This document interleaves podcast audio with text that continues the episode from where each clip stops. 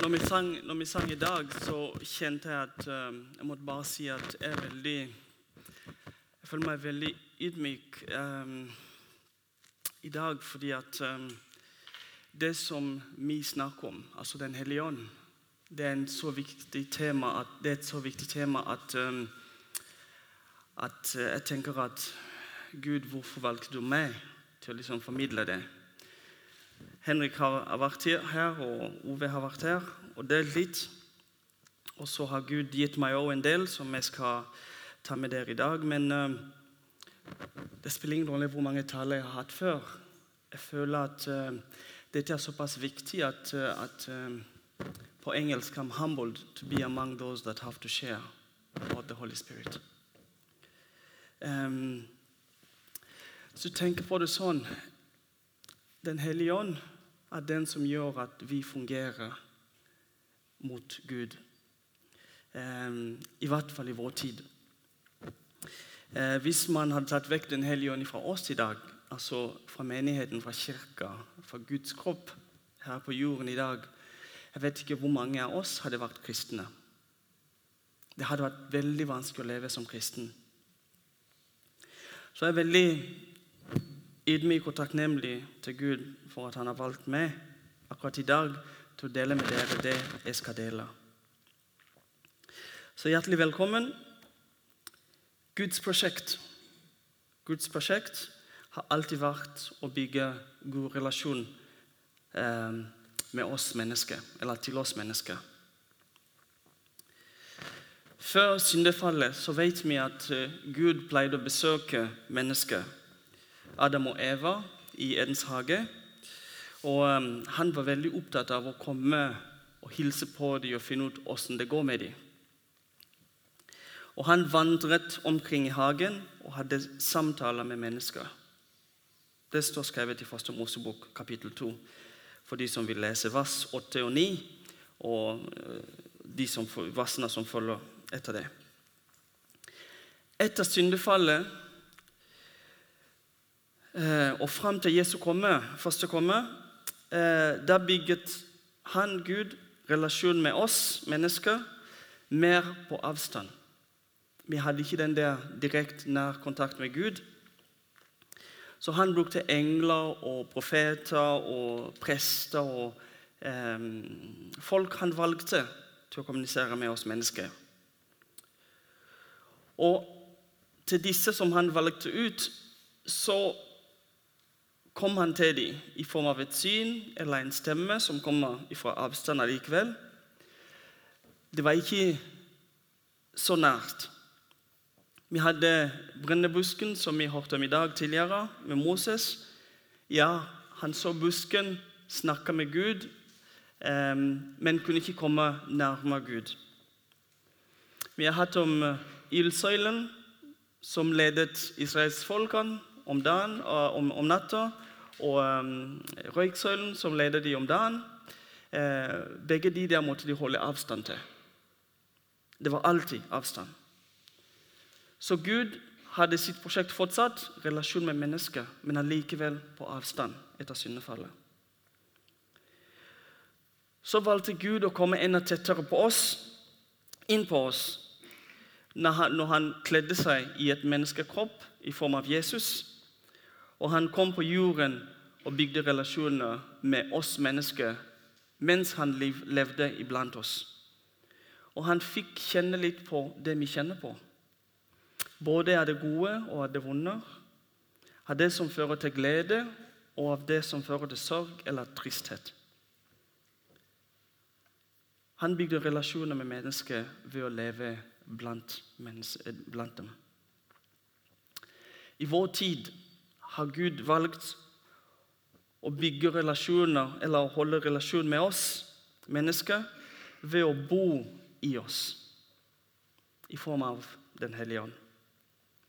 Disiplene ble de første som opplevde dette kort tid etter Egentlig ti dager etter Kristi himmelfart. himmelfart. Og siden den gang bygger Gud relasjon med mennesker ved å bo i dem. Du og jeg har samme muligheten i dag Akkurat som disiplene hadde til å oppleve nærhet til Gud. Tenk det. Tenk det. Og eh, vi kan si det med en gang Gud, han er god.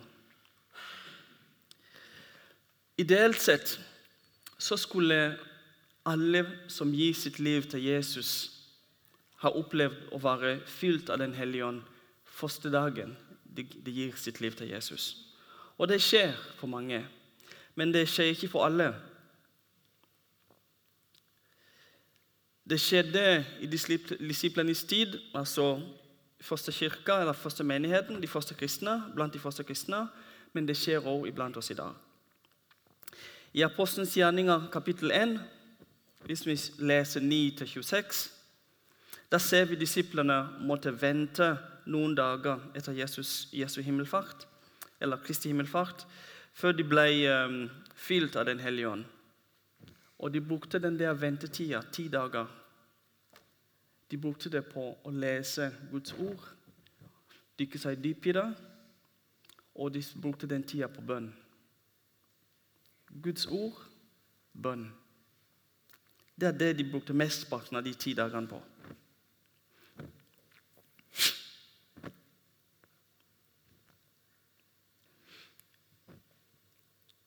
Og så har vi, ehm, Hvis vi leser i eh, Apostelens gjerninger 8, 14-17, så ser vi Philip, som hadde ført ehm, en del folk i Samaria, som var egentlig eh, Hva skal jeg si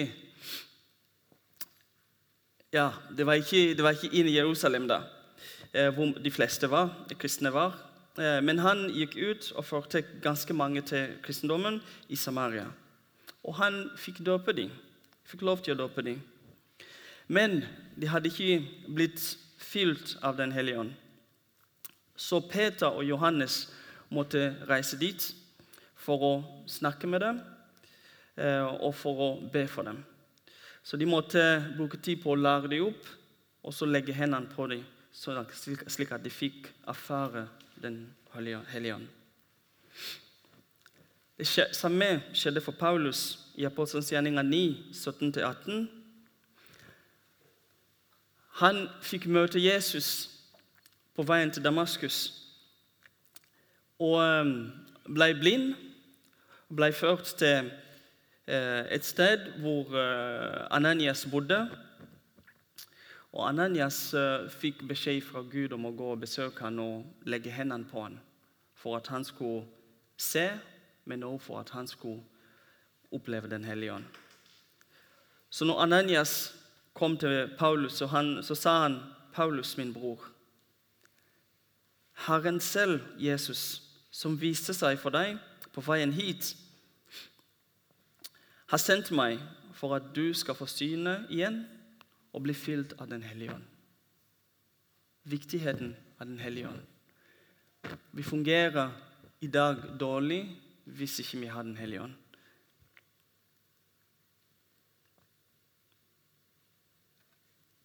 Det står ikke veldig mye i Bibelen om, uh, om dette, men uh, jeg lurer litt på Jeg har lurt litt på hvor mye eh, av dette med å bli fylt av Den hellige ånd Paulus egentlig kjente til. Altså, Han hadde just møtt Jesus var egentlig i utgangspunktet imot Jesus. Hvor mye egentlig har Den hellige ånd vist han om? Jeg vil tippe nesten ingenting. Jeg tenker at Det viktigste for, var, for han var å, å, å få synet tilbake. Han ville se igjen. Det var det egentlig han brente for, kanskje. Men Gud jobbet med han mens han var blind. Mens han ikke kunne se. Og gjorde at han fikk affære Den hellige ånd.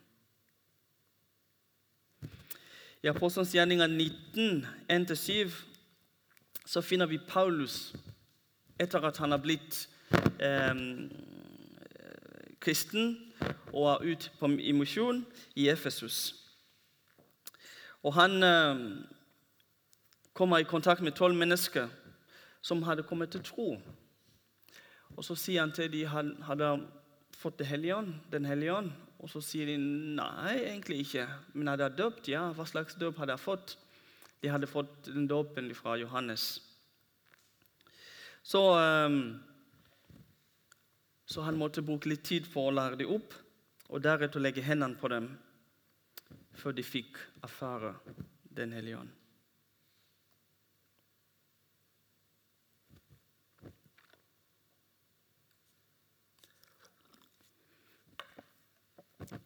Den hellige ånd er interessant fordi at um, som kristne så tror vi ofte at uh, man må være kristen for å oppleve Den hellige ånd. Uh, men det er en historie i Bibelen, Apostelens gjerninger uh, kapittel 10. Det er en familie, familien til Kornelius. De fikk eh, Jeg kan ikke si at Kornelius var fremmed for Gud, for han gjorde masse bra. Og gjennom det han hadde gjort, så sa Gud til han at uh, han vil gjerne invitere han inn i familien. Så sendte Gud, ba Gud han om å sende noen til Peter. Be Peter om å komme på besøk til han. Og så, Lang historie kort. Da kom Peter og begynte å liksom gi dem en opplæring i kristendommen. Om Gud og Jesus og korset og alt det der. Og mens Peter sto og snakket og talte, så kom Den hellige ånd over familien til Kornelius. Og Det står skrevet der at um, vers 44-48 eh, De troende av jødiske ett som var kommet dit sammen med Peter, ble forskrekka over at Den hellige ånd den hellige ånds gave også ble, ut, eh, også ble øst ut over hedningene. De ble forskrekka over at Den hellige ånds gave ble øst ut over hedningene. Alle som var samlet den dagen hos Kornelius, familie, venner Han var en kjent figur i samfunnet og hadde invitert med seg venner og naboer eh, til den samlingen. Alle som møtte opp den dagen, ble døpt. Når vi blir fylt av Den hellige ånd, opplever vi først og fremst en endring i vårt indre. Men i tillegg til det så oppleves det noe som skjer på det ytre, som oftest. Vi erfarer Den hellige ånds kraft, og vi blir frigjort, frigjort til å lovprise ham. Og Det er sjeldent, ekstremt sjeldent at mennesker eh, få erfare Den hellige ånd i seg. Og, og, liksom ikke ha noen ting på utsida som viser det. Altså, Som oftest så er det et utvendig bevis på det. Um, og, selv, uh, og, det, og, det, og, det, trenger ikke være noe stort. Uh, det er forskjellig varierende grad på det, men det oppleves noe. Da disiplene ble fylt av Den hellige ånd, så opplevde de en kraft, en kraftvind som blåste fra himmelen og inn til dem. Vi er i kapittel 2 i Apostelens gjerninger, vers 2. I vers 3 i tillegg så så de tunger som av ild som satte seg på hver enkelt av dem. Og folk utenfor, de som sto utenfor og så inn, de, eh, de skjønte ingenting. Men hver enkelt hørte sitt eget morsmål bli, bli, bli talt av disiplene. Altså Det vi kaller tungetallet i dag, var egentlig vanlige språk for de som var utenfor. Eh, utenfor eh, gjengen til disiplene. Og Det kan vi lese om i Apostelen av kapittel 2, vers 6, for de som vil følge med på det. Og, det, og det, er interessant, fordi at jeg har gått i mange år, jeg venter fortsatt, på at en dag så skal jeg sitte i en samling med et språk som er fremmed til mitt, og så skal jeg høre noen snakke til så. Jeg venter ennå på det. Men, men, tenk på det. Altså, tenk at vi satt her og skulle be, ikke sant? så plutselig begynner Ove å tale til oss. Ikke sant? Den følelsen venter går jeg og venter på. Men det kan skje faktisk. Det høres veldig rart ut og veldig eh, langt vekke, men det kan skje faktisk. Og samme dag disiplene fikk Den hellige ånd, samme dag fikk Peter frimodighet til å lovprise Gud og til å levere en tale som gjorde at 3000 mennesker ga sitt liv til Jesus. Tenk på det. Bare fordi at man ble fylt av Den hellige ånd en dag. Det var første dagen ikke sant? Det var første dagen de hadde fått Den hellige ånd. 3000 mennesker ga sitt liv.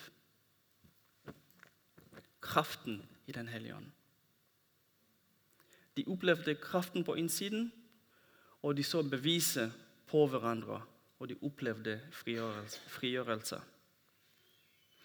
Når Peter og Johannes la hendene på de nye kristne Philip hadde ledet til tro, så fikk disse kjenne ånden i hjertene sine. Og eh, Det var en der som var kalt Simon. Han, var en, eh, han, han hadde Han praktiserte troll...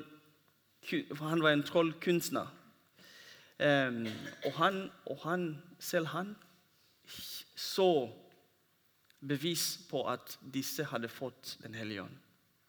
Selv han, som var en trollmann, fikk se og kjenne igjen at et eller annet har skjedd her som er spesielt. Og selvfølgelig, han hadde ikke noe kunnskap om Den hellige ånd. Stakkars mann eh, spurte Peter om ikke han kunne betale litt penger for å kjøpe den kraften de hadde. Og Peter hadde en sånn tydelighet som vi savner i dag. Han hadde en skikkelig tydelighet på at dette går ikke an. Du kan ikke kjøpe deg Guds ånd. Motivasjonen hans var feil, uoppriktig. Og han, eh, Peter egentlig sa til han at kort fortalt du blir straffa for å ville betale for å få makten, Den hellige ånds makten. Til slutt så ba Simon om ikke de kunne be for han, så han slapp den straffen. Men poenget er at selv de som ikke er kristne, vil kjenne igjen hvis vi er fylt av Den hellige ånd. Eller hvis vi blir fylt av Den hellige ånd. Blir man fylt av Den hellige ånd, vil det merkes på noe vis. Det kan ikke gjemmes. Når Paulus ble fylt av Den hellige ånd, så står det i Apostelgjerninga 9, 18-22, vers 18, at um, straks var det som om skjell falt fra øynene hans, og han kunne se. Han sto opp og ble døpt. Vers 19. Han ble noen dager hos disiplene i Damaskus. Vers 20, hvor han straks forkynte Jesus i synagogene og sa han er Guds sønn. Alle som hørte på det, eh, alle som hørte på, ble forundret. Som jeg sa, Paulus var ikke noen sånn enkel eh, person som ga sitt liv til Jesus, så klappa alle. ikke sant? Hadde man en, en av de farligste mennesker som var på den tida. Han gikk rundt og lette ut alle kristne, heiv dem i fengselet. Han var med eh, når Stefanus ble steina. Han sto og passa på, sørget for at han døde.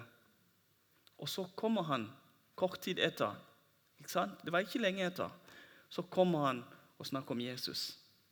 Det tok tid for disiplene å, ha, å være trygge på at han hadde omvendt seg. Det tok litt tid. Men selv Paulus, som, har, som var av veldig sånn hard hjerte, han opplevde Den hellige ånd. Igjen kraft på innsiden og en merkbar endring på utsiden. Det samme kan vi si om de tolv Paulus la hendene på i Efesus, og om familien Cornelius, som ble fylt av Den hellige ånd eh, mens Peter sto og talte. Og samme kan, kan vi si om deg og meg dersom vi er, eller dersom vi blir fylt av Den hellige ånd. Det blir en endring på innsiden, og en merkbar, en merkbar endring på utsiden òg. I Bibelen så er ilden et symbol på kraft og, og rensel og renselse. Um, det setter selvfølgelig uh, også fyr på ting. Vi så det i uh, mye i Gamle testamentet, hvor uh, ilden kom, fra himmelen og liksom brente opp ting. Um, men når Den hellige ånd kommer til oss, eller når vi opplever, erfarer Den hellige ånd, uh, så kan noen kjenne fysisk varme når de blir fylt av, den hellige, av, av ånden. Enten i hendene eller andre steder i kroppen. Kanskje som, som om hele kroppen gløder. Eller som om en sånn flytende varme som, som vrir seg inni seg, som rører seg i, i, i kroppen. Eh, noen kan kjenne som om det brenner eh, et sted, selv om kroppen egentlig ikke er varm. Så det er mange uttrykk for, eh, for å bli fylt av Den hellige ånd. For mange eh, kan Den hellige ånd eh, føles som en overveldende opplevelse av Guds kjærlighet. Og, og Da snakker jeg ikke om uh, kjærlighet som vi synger om løst og fast, men jeg tenker, om, jeg tenker på Vi snakker om kjærlighet, Guds kjærlighet som omtales i Efeserne 3,19 som Kristi kjærlighet som overgår all kunnskap. Kjærlighet som overgår all kunnskap. Det er en kjærlighet som er vanskelig å sette ord på. Jeg satt og tenkte når jeg forberedte talen, hvilke andre ord kan jeg bruke for å forklare det? Jeg fant ingen. Så jeg setter pris på om noen har noe som er bedre enn dette, men Kristi kjærlighet som overgår all kunnskap. Og min egen opplevelse av å bli fylt av Den hellige ånd gjorde at jeg fikk stor hunger for Guds ord. Og um, Jeg har fortalt dette i mitt, mitt vitnesbyrd. Jeg leste Bibelen og leste Bibelen og leste Bibelen og ble, og ble aldri lei av det. Og um, jeg ble rørt ofte til tårer når jeg leste Bibelen. Og for deg som sitter her i dag, eller som hører på, så kan ikke jeg definere hvor grensa for Guds eller for den ånds påvirkning på deg går. Jeg kan ikke bestemme hvor grensa går for deg. Jeg kan ikke sette grenser på hvordan skal, han skal uttrykke seg i deg. Eh, så de er forskjellige for alle. Så jeg kan ikke sette grenser for uttrykket ditt, eh, for uttrykket når du møter Den hellige ånd, eller den dagen du blir fylt av Den hellige ånd. Jeg kan bare se fram til ditt vitnesbyrd og din historie. Det er det jeg kan gjøre. Hva er ditt vitnesbyrd om det? Hva er din historie?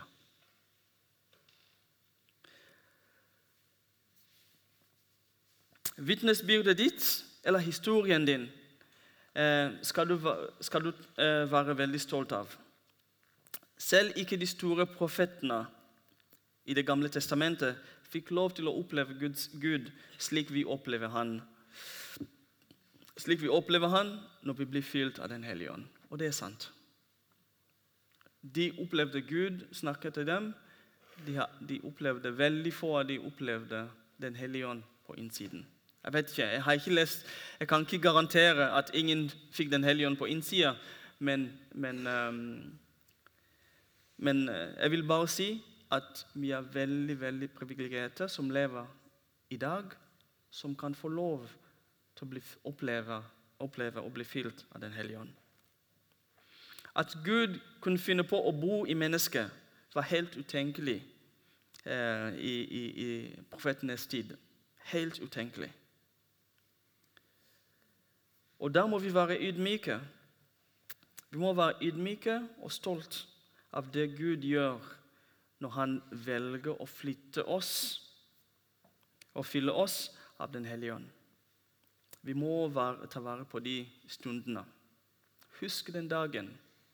Husk den dagen du ble fylt av Den hellige ånd. Det må vi være stolte av. Det vitnesbyrdet må vi ta vare på. Utfordringen vår er at vi har noen, noen hinder som vi må trosse. Ikke sant? Vi har noen hinder vi må trosse. Jeg skal ta kun tre av de, og så kan du få lov til å fylle på hvis uh, de tre ikke dekker eh, ditt, eller din hinder. Ditt hinder. Ditt hinder. Eh, det første er tvil. Tvil er et stort hinder for oss når det gjelder å oppleve Den hellige ånd. Mange, mange av oss sliter med tvil når det gjelder å bli fylt av Den hellige ånd. Og kanskje kokes dette ned til, um, til en følelse av at det er et spørsmål vi stiller oss sjøl. Får jeg virkelig Den hellige ånd hvis jeg spør? Vi diskvalifiserer oss sjøl fra opplevelsen. Vi begynner der. ikke sant? Vi begynner med å tvile. Får jeg, kan jeg virkelig nå fram? Svaret egentlig det spørsmålet er så klart. Det får du til. Men vi syns det er vanskelig å tro at Gud vil gi oss noe For ikke å snakke om noe uvanlig og fantastisk som sin Hellige Ånd. Eh, de gavene som Ånden bringer med seg. Vi tror ikke da at vi får det.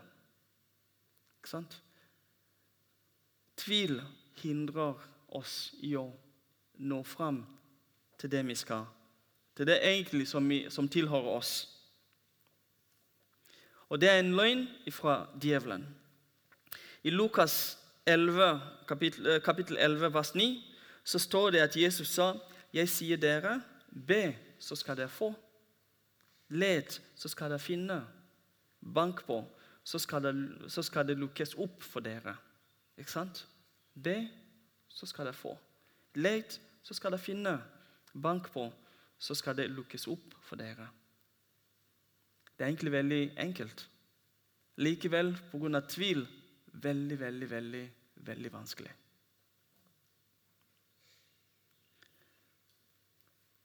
Lukas 11,9, det må vi holde.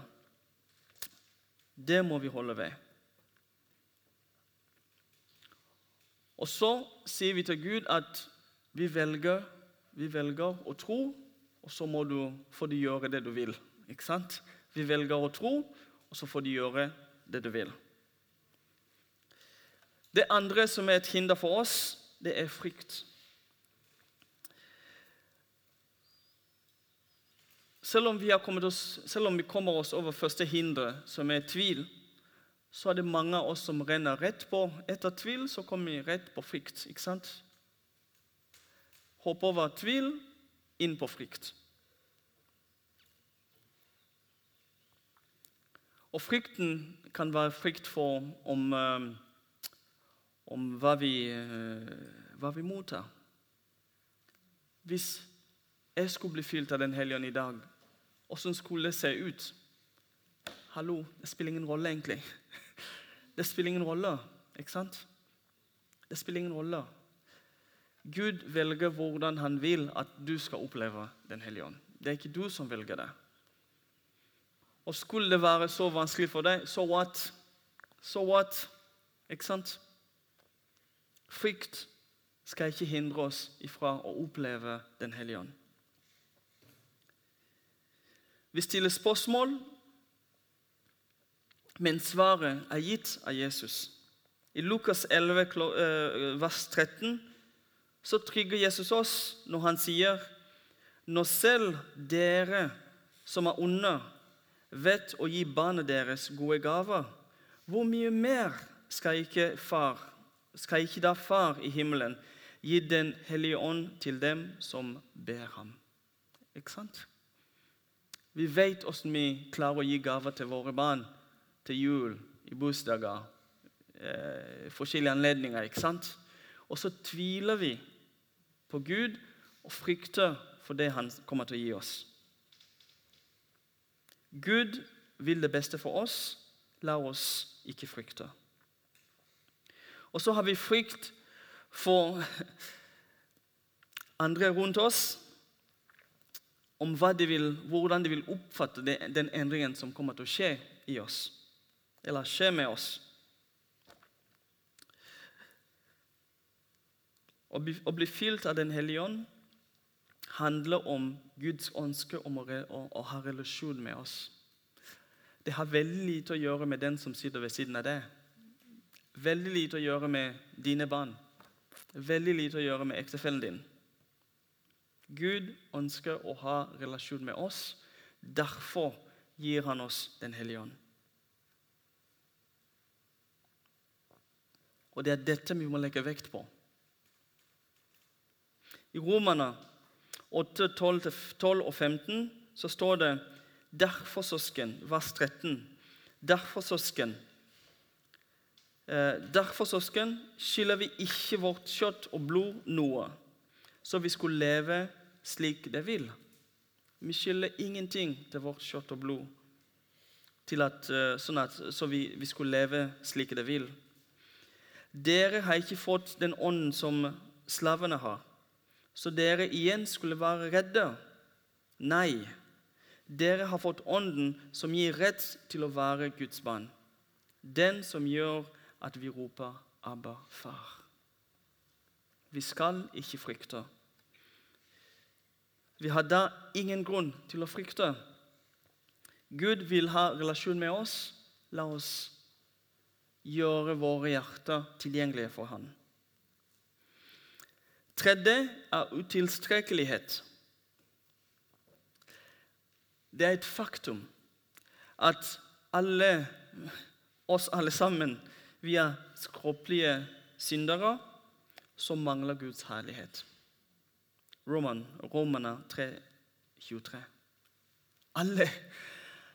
Selv vi som taler i dag, ingenting kan måle seg. Jeg har ikke noen gode ting jeg kan komme med og si at Gud er fortjener. Vi er alle skråplige syndere som mangler Guds herlighet.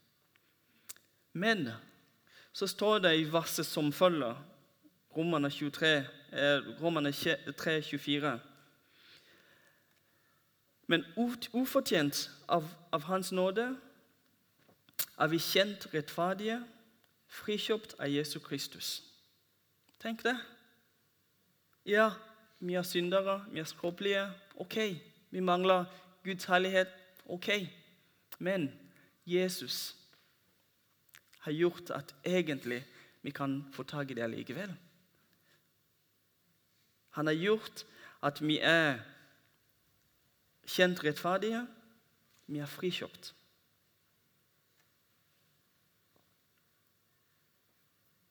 Likevel så bar vi ofte med oss en følelse, en sånn vag følelse av å være uverdige og utilstrekkelige.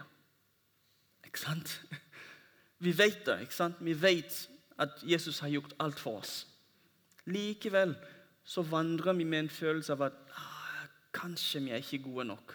Kanskje vi er ikke gode nok. Og jeg tenker at jeg finner ikke noe enklere måte å si det på enn å si at vi må vokse ut av det. Vi må bare vokse oss ut av det. Vi er Guds barn, og det, og, og det skal oss være nok. Ikke sant? Det skal være nok for oss at vi er Guds barn. Uavhengig av hva vi selv kjenner på, eller hva andre måtte mene. Uavhengig av hva vi kjenner på, og hva andre måtte mene, vi er Guds mann. Og fordi at vi er Guds mann, han ønsker å ha en relasjon til oss. Den relasjonen sementerer han ved å gi oss og fylle oss med Den hellige ånd.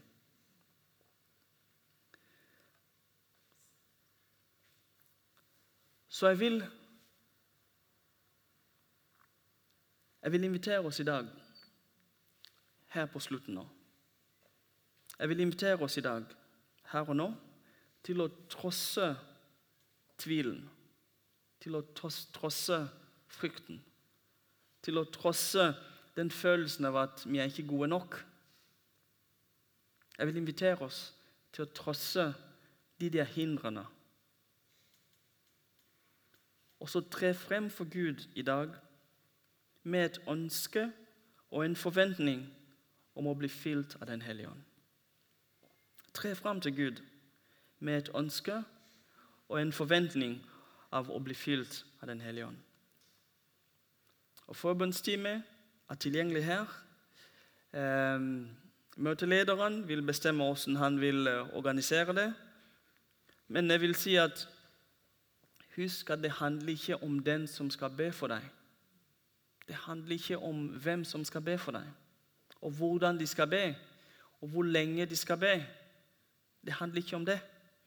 Det handler om at Gud vil ha en relasjon med deg, og han vil fylle deg med Den hellige ånd.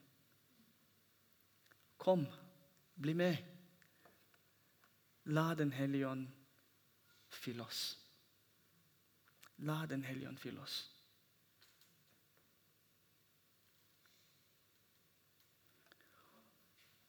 Om vi blir for mange, og du velger å sitte på stolen i stillhet og be for deg sjøl, jeg vil at du skal huske tre ting.